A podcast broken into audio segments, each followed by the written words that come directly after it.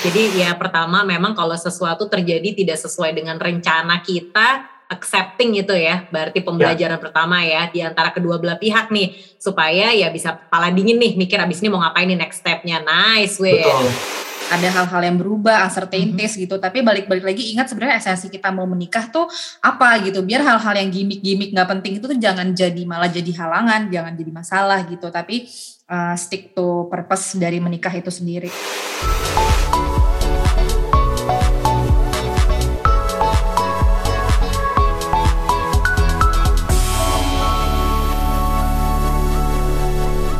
Shalom, welcome to GC 24/7 podcast by Grow Center Church. Wow, so happy ya kita bisa ketemu lagi nih teman-teman ngobrol-ngobrol di sini. Nah, kali ini aku ditemenin sama dua anak muda. Cela dua anak muda. Hai Visela, hai Widi. Hai Kaprita. Karena ibu-ibu di sini senang ngobrol sama anak muda ya. Padahal bedanya sedikit ya kak ya. Iya. Nah, what's so special di sini ya? Aku yakin banget nih bukan bukan ke apa uh, bukan coincidence ya. Karena ini uh, Widi dan Visela ini adalah uh, apa ya bisa dibilang pasangan newly wedded semua ya. Kalian semua baru tahun ini menikah ya. Benar, benar. Luar biasa. Betul. Jadi ini pasangan... Tapi aku nikahnya bukan sama Widi loh ya, Kak. oh iya iya. Oh iya iya. Jadi harus dijelaskan dulu nih. Klarifikasi, klarifikasi. Jadi ini adalah dua pasangan ya. Nah, walaupun pasangannya lagi nggak ada, tapi Widi dan Visela ini menikah dengan pasangannya masing-masing. Tapi yang menyamakannya itu Widi sama Visela itu menikah pada saat pandemic. Nice. So, how was marriage life? Mungkin boleh uh, ladies first, Visela. Padahal baru mau nunjuk, Wid.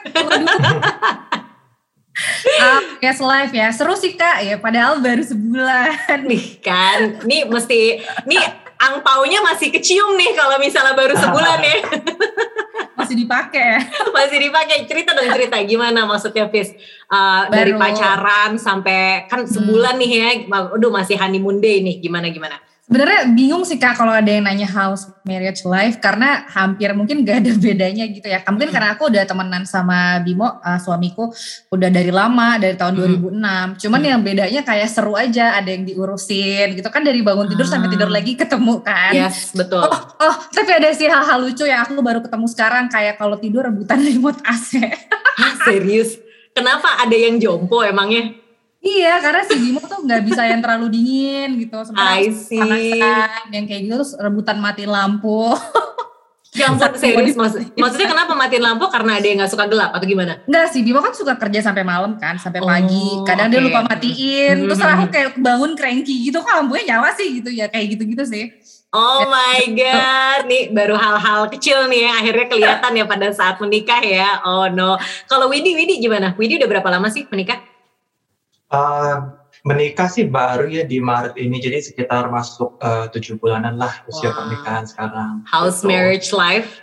Ya uh, kurang lebih sama seperti Vesela, uh, very exciting gitu ya, uh-huh. uh, dan banyak hal-hal baru yang sebenarnya ditemukan dari pasangan uh, compare tuh sebelum uh, apa menikah gitu atau selama pacaran. Jadi uh, banyak hal-hal baru dan mm. juga banyak adjustment. Apa tuh, Win? Iya, gitu. cerita dong, cerita dong, Win. ya biasalah dari kayak hal-hal simple ketika misalnya kayak contohnya bersih-bersih gitu. Karena istri kebetulan uh, lebih uh, teliti gitu ya dalam mm. hal bersih-bersih. Kadang-kadang misalnya aku uh, naruh gelas di meja cuman uh, lupa untuk uh, dibawa ke cucian gitu.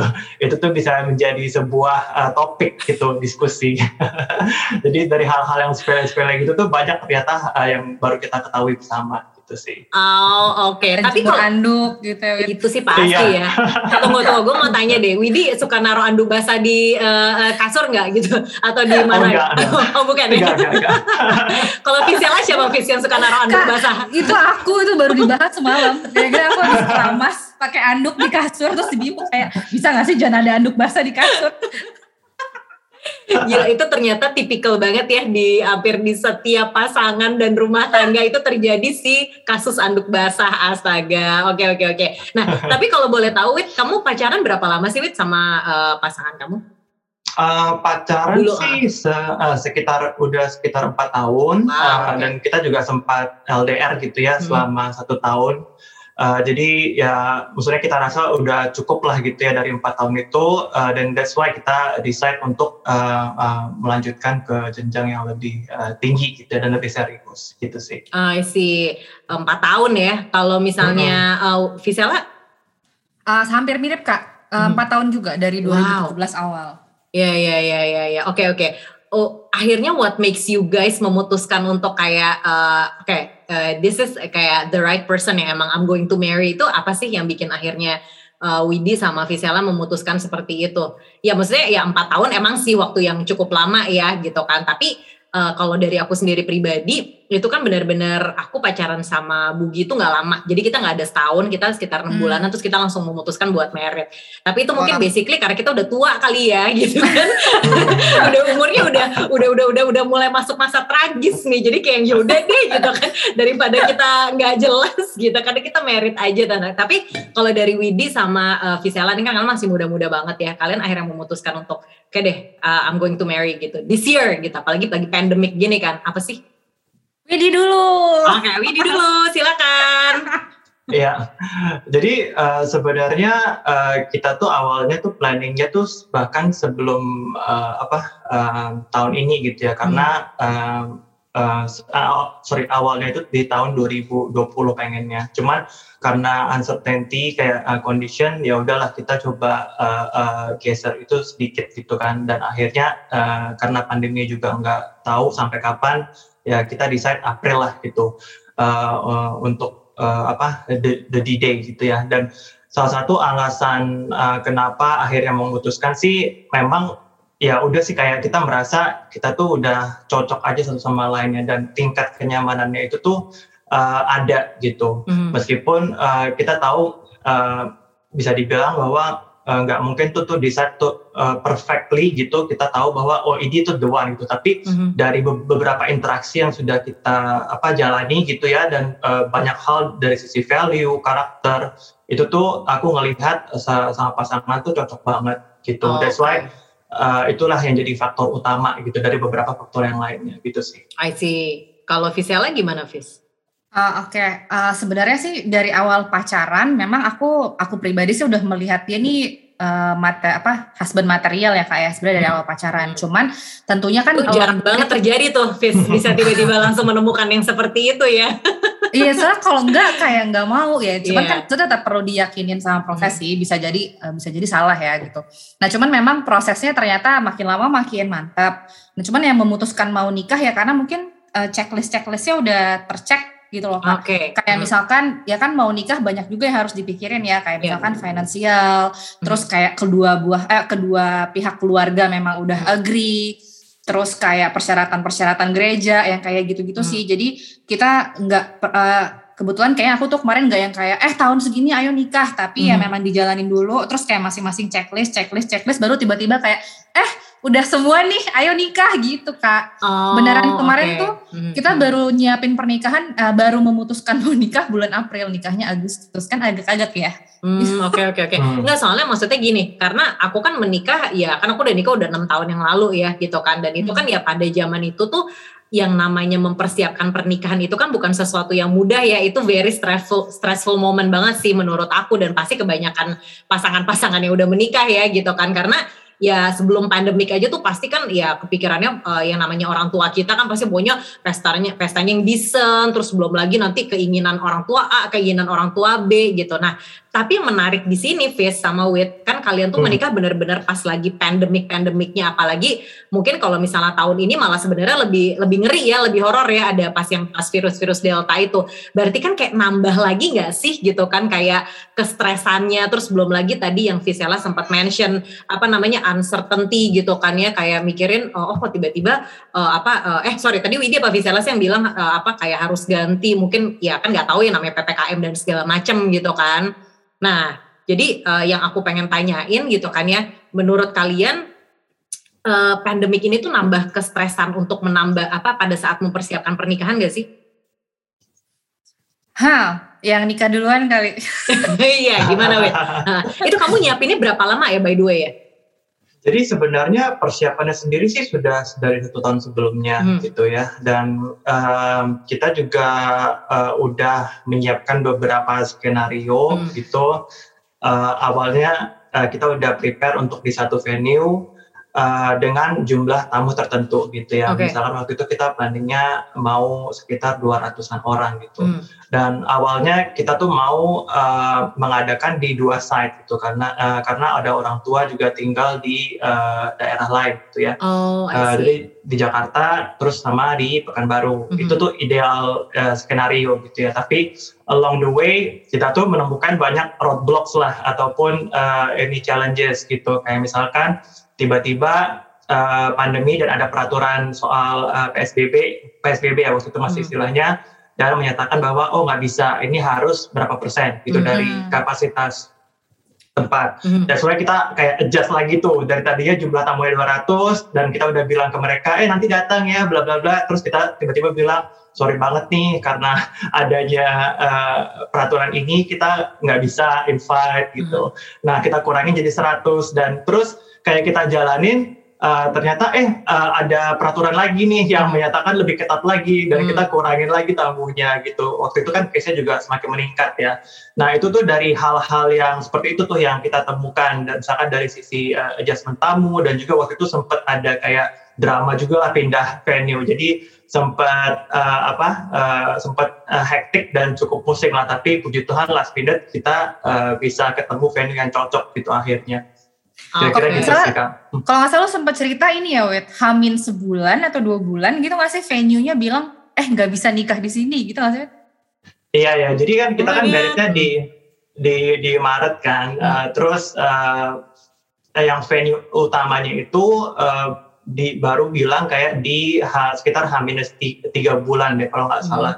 Uh, mereka bilang bahwa uh, uh, kita nggak bisa nih kalau uh, outdoor karena ada policy internalnya mereka lah yang menyebabkan hal itu gitu kan. Ya kita udah lumayan kecewa uh, saat itu karena yang ideal uh, scenery yang kita bayangkan itu tuh nggak kejadian. Okay. karena tempatnya tuh menurut kita tuh udah ideal banget gitu kan. Uh, outdoor di lapangan terus uh, deket uh, kayak uh, danau kecil gitu. Jadi tuh kayak uh, udah ideal banget. Uh, tapi mereka decide kayak somehow nggak bisa gitu. Dan akhirnya kita cari-cari uh, yang available dan ya puji Tuhan sih akhirnya sih udah dapat juga. Meskipun last minute ya. Nah kamu maksudnya kamu dan uh, pasangan kamu gitu ya Wit ya menghadapi hal tersebut gitu ya. Ya namanya emang setiap uh, wedding preparation kan pasti kan ada ya challengingnya masing-masing ya gitu ya. Cuman ini kan lumayan bikin stressful ya gitu kan. Udah ppkm terus tiba-tiba uh, apa venue bilang gitu kan yang harusnya bisa dihindari venue-nya bilang aduh sorry nggak bisa. Nah kamu handling sama pasangan kamu tuh gimana tuh? Di sini siapa yang lebih ini sih maksudnya kan kadang-kadang pasti kan ada dong kalau misalnya uh, pada saat kita mengurus pernikahan tuh pasti kan ada perempuan atau laki-lakinya yang lebih kayaknya lebih heboh gitu lah ya. Nah kalau misalnya di Widi sama pasangan Widi tuh siapa yang lebih heboh dan lebih panik ya. pada saat itu?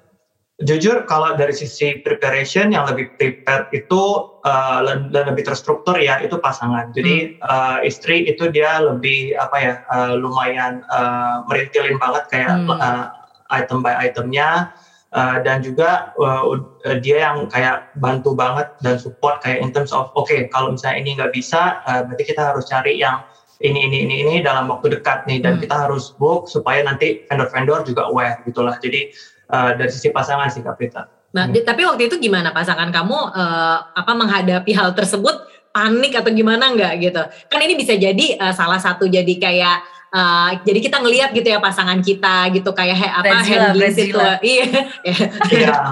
handling situation gitu kalian memecahkan masalah itu jadi gimana tuh akhirnya? Jujur sih panik uh, pasti ada hmm. gitu kan apalagi udah deket banget hmm. sama hari H hmm. dan tension itu juga ada hmm. gitu Um, jadi cara kita memecahkannya sih uh, untungnya sih waktu itu kita juga ada teman uh, yang uh, kebetulan uh, anak kul juga uh, mm-hmm. thanks to Pinkan dulu yang uh, sempat uh, refrain ke kita mm-hmm. uh, venue yang dia pakai gitu.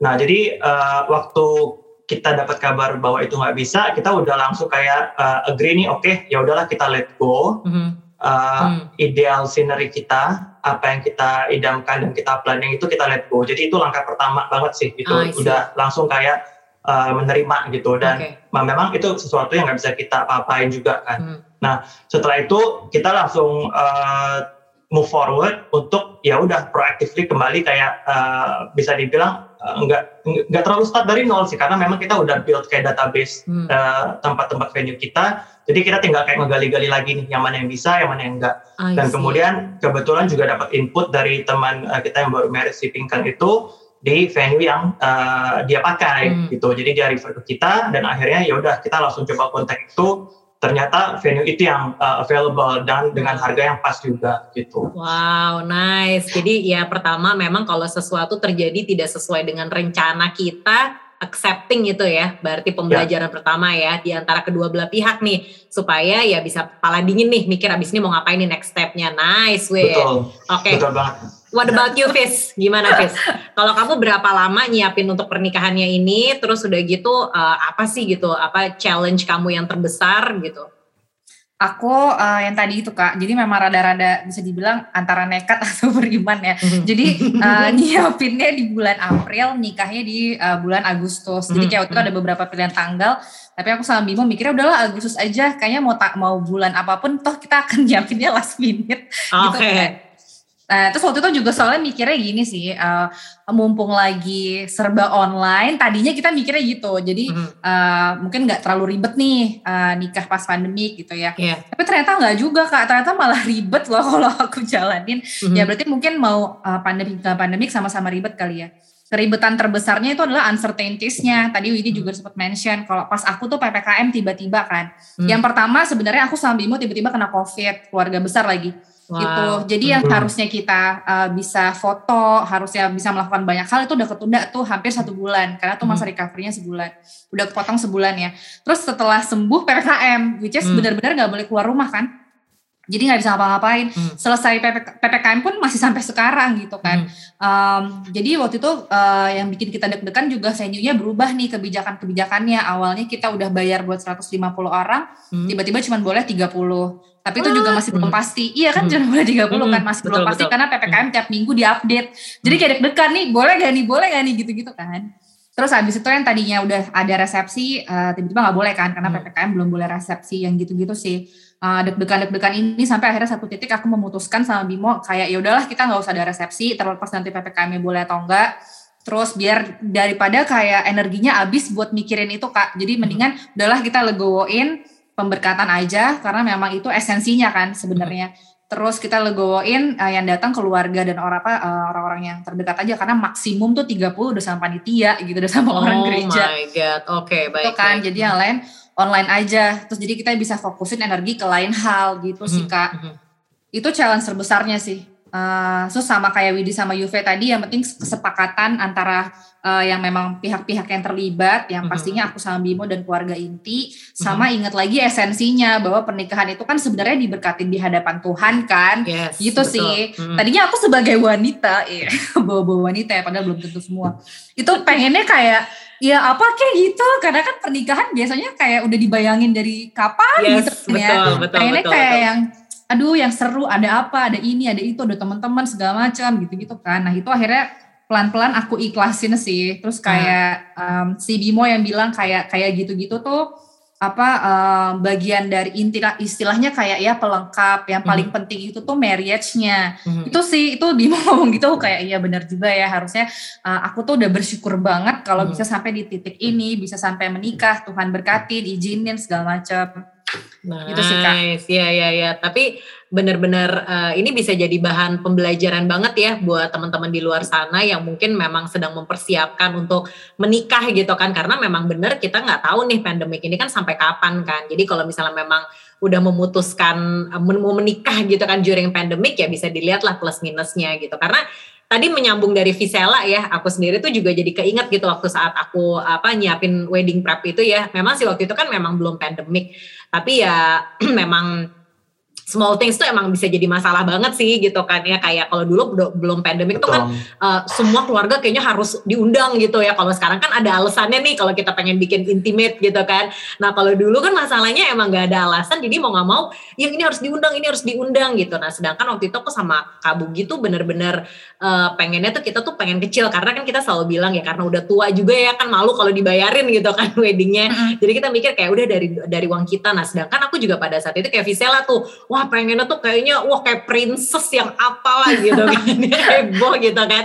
Nah cuman akhirnya emang mau nggak mau mesti ya tadi gitu kan ya harus uh, apa ya mengerti saling mengerti gitu kan harus sepakat itu yang paling penting banget gitu kan. Ya udah terus berangkat dari situ akhirnya memang uh, terjadilah walaupun memang nggak seperti yang emang kita bayangin banget ya tapi bener yang Gisela bilang gitu menikah itu kan sebenarnya esensinya gitu kan sebenarnya aku mikirnya kayak ya intimate wedding tuh sebenarnya menyenangkan sekali ya karena kan ya Betul. ya dihadirin sama keluarga yang benar-benar kita deket kita intim yang kita benar-benar tahu kayak mereka tuh melihat perjalanan hubungan kita gitu kan jadi it's very very nice it's sweet banget ah oke okay, oke okay. nah kak.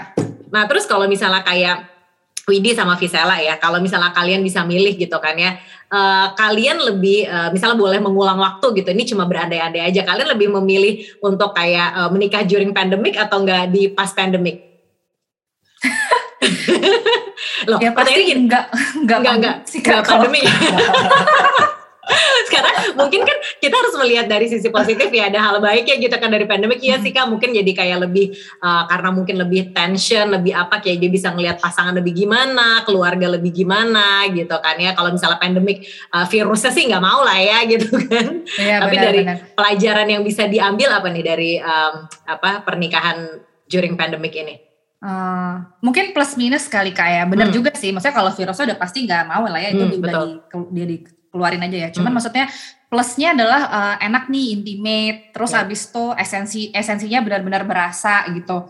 Cuman ya nggak um, enaknya ya karena aku orangnya terperinci gitu ya kak. Hmm. Ini tuh kayak semua di luar timeline gitu loh. Oh, okay. Gitu mungkin hmm. itu lesson learn juga kali ya. Mungkin next apa buat adik-adik ya buat adik-adik nggak mungkin buat kita kan ya buat adik kalau kita sekali aja seumur hidup gitu. kalau buat adik-adik ini kan apa uh, mungkin adik-adik berasa tua maaf kak jadi kayak um, jangan jangan mepet-mepet sih jangan oh, kayak okay. kayak gitu hmm. kayak mau nikah Agustus baru ng ngadain April ya walaupun mungkin kalau emang waktunya memang nggak nggak ada gitu ya emang mepet gitu mau nggak mau ya mungkin dipersiapin dari jauh-jauh hari kalau aku tuh hmm. kemarin kayak bikin timelinenya di pool di deket-deket gitu ternyata covid ternyata hmm. ppkm gitu itu sih mungkin lesson learnnya itu sama apa ya uh, pinter-pinter menjaga emosi Aku tuh uh. tempat Brazil sih sebenarnya. Serius, serius. Cerita dong cerita kayak gimana? Wah, apa yang men-trigger kamu sampai jadi Bridezilla? Aku sempat banget emosional karena hmm, semuanya kan berubah-berubah kan. Yeah, yeah, yeah. PPKM, uh. timeline berubah yang tadi sih. Terus pressure pekerjaan juga ada. Uh, jadi kayak hmm. semua campur aduk. Plus kan kita juga harus jaga kesehatan. Masih yeah. COVID juga masih ada. Jadi bawaannya tuh kayak emosi setiap kali vendor ngasih kabar berubah lagi. Langsung kayak mendidih gitu loh kak jadi kayak oh. sampai satu titik tuh aku kayak kesel banget sama vendornya kayak kok berubah berubah mulu sih mbak gitu aku nyemprot literally nyemprot hmm. di WhatsApp tapi abis itu Tuhan kayak ingetin sih ini hmm. ini kisah nyata ya Tuhan kayak ingetin ya ini kan bukan salah vendornya. Iya. Yeah. Jadi jadi kenapa kayak gini gitu sih. Terus aku langsung telepon saat itu juga say sorry. Aku bilang kayak Mbak kayaknya aku Brazila nih gitu. Padahal selama ini hmm. setiap kali ada orang hati-hati Brazila, aku tuh kayak ah enggak lah gue gak bakal Brazila santai lah gitu. Ternyata aku bener-bener kayak ngalamin. Uh, yaudah sih aku say sorry segala macem. Ya di situ belajar buat ya tadi itu kayak aku dapetin kayak esensinya lagi hmm. gitu. Gitu ini jadi jadi agak panjang ya. Kalau lu Wip kalau disuruh gimana Wip? Bagus biar teman-teman banyak yang belajar dong ya kan iya. gitu. Iya benar-benar karena kan kalau nyiapin wedding di apa eh, nggak nggak pandemik tuh udah banyak ceritanya bisa film-film juga banyak. Tapi kan kalau yang pandemik ini special case banget. Kalau kamu gimana Wip? iya iya kalau kalau aku sih um, cenderung ke intimate sih gitu. Hmm. Jadi kalau bisa um, mengulang waktu ya akan tetap proses dengan intimate, tapi ya hmm. ya kayak bisa bilang tanpa ada uh, COVID-nya. Iya gitu betul ya. betul. Karena memang dari kita berdua juga prefernya intimate wedding hmm. awalnya hmm. gitu. Hmm. Cuman karena memang faktor uh, keluarga gitu kan, memang yang ada kayak kebutuhan uh, mengundang uh, apa kerabat-kerabat yeah. gitu. Hmm. Jadi kita juga harus akomodir itu mau nggak mau. Tapi kalau secara preference dan idealisme uh, intimate wedding sih. Ah, nice. Okay. Gitu ya, intimate tapi nggak ada covid. Kak, tapi uh, jangan salah loh, maksudnya nikahan uh, nikahan pas di pandemi ini, ini kan awalnya mikir oh mungkin lebih murah ya. Ternyata hmm. ada biaya-biaya ter, ter, tak terduganya gak sih, Wit? Oh iya? Oh iya? Oh iya, sharing orang, sharing apaan? Biaya apa? Piarin orang, ya gak sih? Kayak oh iya, benar. nih di PCR-in, kayak hmm. gitu-gitu kan. Untuk tamu undangan ya? Ha, ha, ha, ha. Uh, uh, sama kru segala macam ya mungkin. Terus kayak kalau yang aku kemarin Kak, um, karena tiba-tiba berubah nggak bisa resepsi, itu kan hmm. harus dibesekin ya makanannya jadi kayak hmm. harus dibawain pulang gitu. Itu ternyata hmm. biayanya itu jauh lebih mahal dibanding makan di tempat. Aku juga nggak tahu sih waktu itu kayak itu kok jadi lebih mahal sih karena harus harus di proper packaging terus hmm. biaya nganternya, biaya kirim yang gitu. Akhirnya waktu itu aku nggak ngambil paketnya sih. Jadi kayak yaudah deh yang datang kan keluarga inti ini jadi iya, iya, iya. kalau nggak kayak jauh lebih mahal gitu-gitu. Oh betul betul betul. Gak tahu deh kalau lu Ya uh, kurang lebih sama sih apalagi kayak ada komponen yang sebelumnya tuh nggak ada misalkan hmm. kayak live streaming gitu kan hmm. itu kan uh, salah satu komponen yang perlu diperhitungkan yeah, gitu kalau yeah. uh, di pandemic wedding ini gitu kan karena supaya orang-orang yang tidak datang itu bisa juga uh, merasakan momennya gitu hmm. jadi itu sih yang paling uh, berbeda ya gitu kalau aku rasa. Hmm. Benar, benar. Aku tuh sempat kayak live streaming tuh kayak udahlah live streamingnya yang biasa aja nggak terlalu terlalu mahal karena kan mikir orang-orang bisa datang. Mm-hmm. Ternyata pas di tahu ppkm-nya level 4 dan gak bisa ada tamu, jadi kayak oh berarti live streamingnya harus yang bagusan ya, tapi udah yeah. bayar yang apa uh, yang pertama yang kayak gitu-gitu benar mm-hmm. komponen-komponen yang tak terduga ya Wit. Mm-hmm. Dan mungkin aku aku sempat uh, ada ngalamin sih. Jadi beberapa bulan Agustus yang lalu tuh jadi ada salah satu sahabat aku tuh juga nikah kan.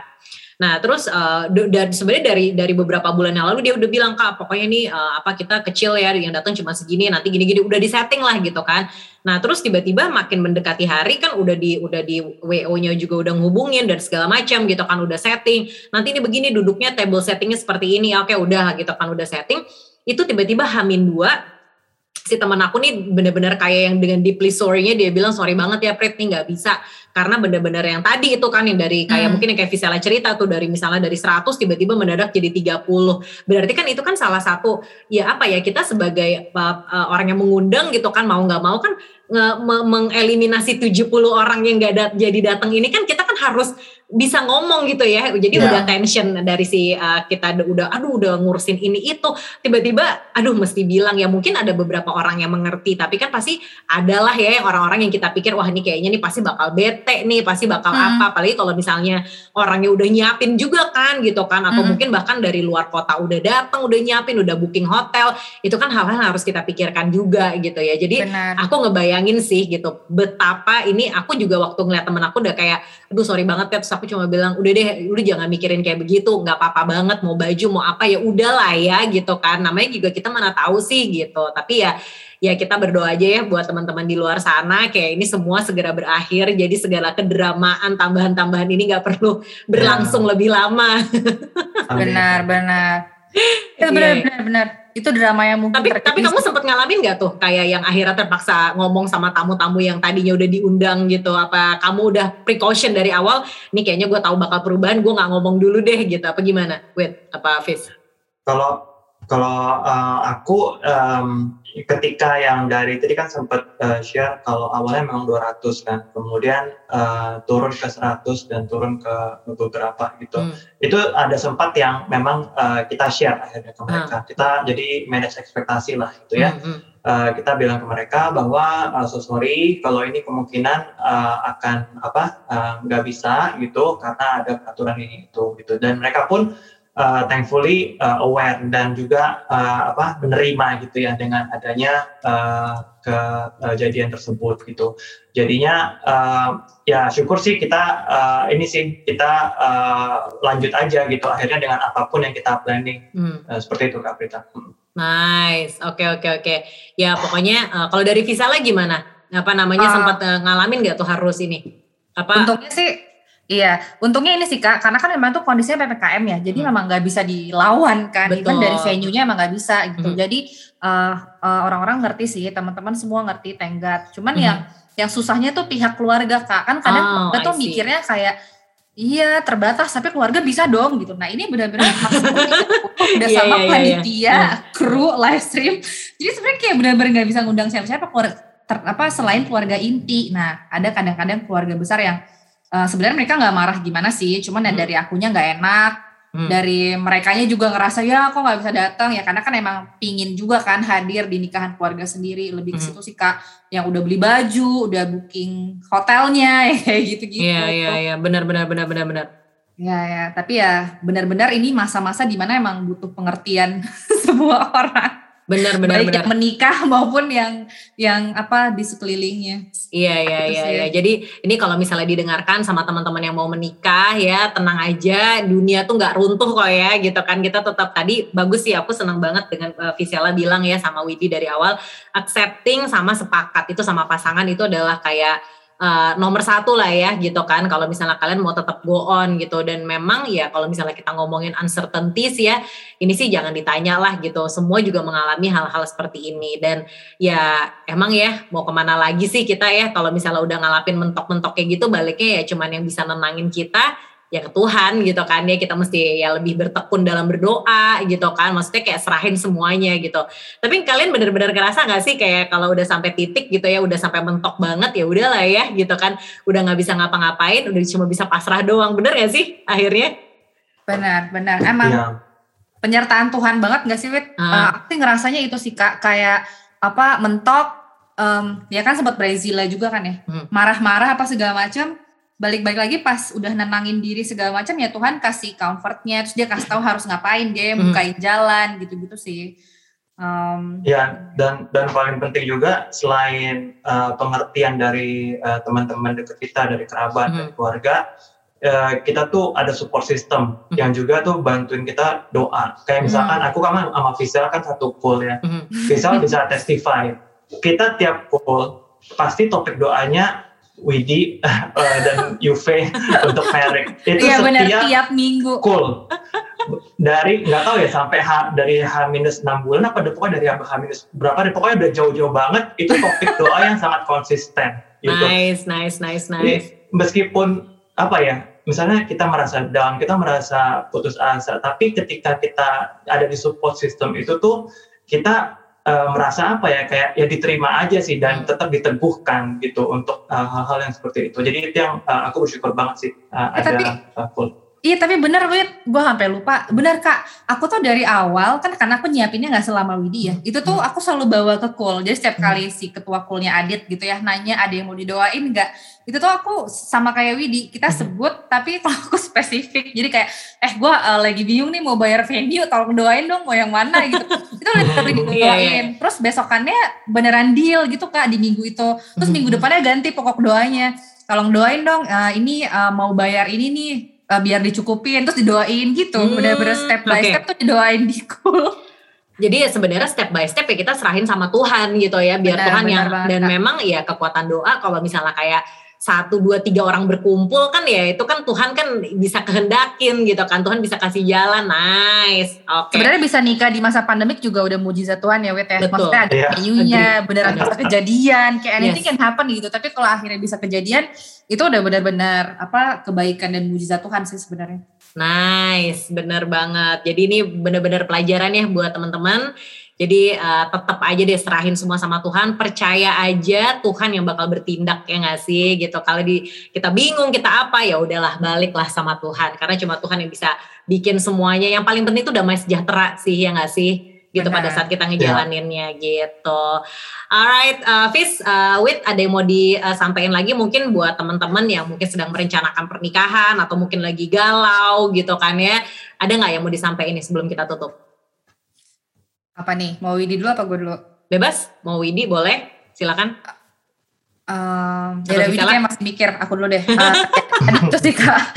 Maksudnya kayak uh, benar-benar andelin Tuhan kali ya dari awal. Benar-benar dari awal. Terus memang sepakat unity sama pasangan sama keluarga sama mungkin uh, jangan lupa esensi dari menikah itu apa sih? Yes. Karena pasti pada saat persiapan tuh banyak mungkin benturan atau mungkin ada hal-hal yang berubah, uncertainties mm-hmm. gitu. Tapi balik-balik lagi ingat sebenarnya esensi kita mau menikah tuh apa gitu. Biar hal-hal yang gimmick-gimmick nggak penting itu tuh jangan jadi malah jadi halangan, jangan jadi masalah gitu. Tapi uh, stick to purpose dari menikah itu sendiri.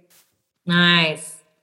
Ya, kalau kalau aku boleh nambahin um, tadi kalau Visa ngeput um, um, soal kayak uh, kita berserah kepada Tuhan, kita doa.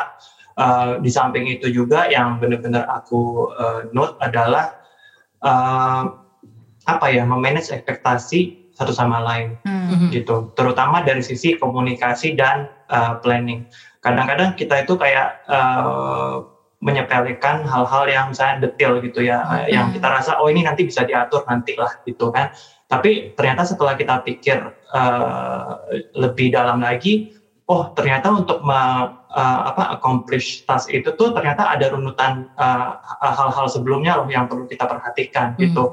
Jadi jangan sampai kayak kita uh, uh, terkejut atau surprise gitu. Hmm. Oh kok gue nggak tahu ya ada ini, kok gue nggak tahu ya ada itu gitu. Jadi um, itu yang gue alami juga sih karena kan emang uh, AUV itu lebih lebih kayak semacam detail dan dia memang kayak list down semuanya dan kalau gue tuh lebih kayak take it apa uh, let, it, let it flow gitu kan hmm. dan itu tuh jadi kayak suatu, suatu tensi jadi suatu uh, suatu waktu karena kayak hmm. uh, persepsinya kenapa sih kamu kayak nggak mikirin gitu uh, soal apa pernikahan ini gitu hmm. kan uh, kenapa kok dari uh, gue terus yang mikirin itu dari sisi ini ya dari sisi istri gitu jadi um, yang waktu itu kita lakukan adalah kita coba manage ekspektasi, misalkan, oh oke okay, kita setiap hari apa kita discuss yuk gitu. Hmm. Jadi jangan sampai kayak, uh, oh yaudah kapan sempet kita baru discuss, kapan sempet kita baru tracking gitu. Hmm, Kalau bisa nice. sejauh-jauh hari mungkin uh, itu tuh secara sengaja menyempatkan waktu untuk sama-sama diskusi. Itu sih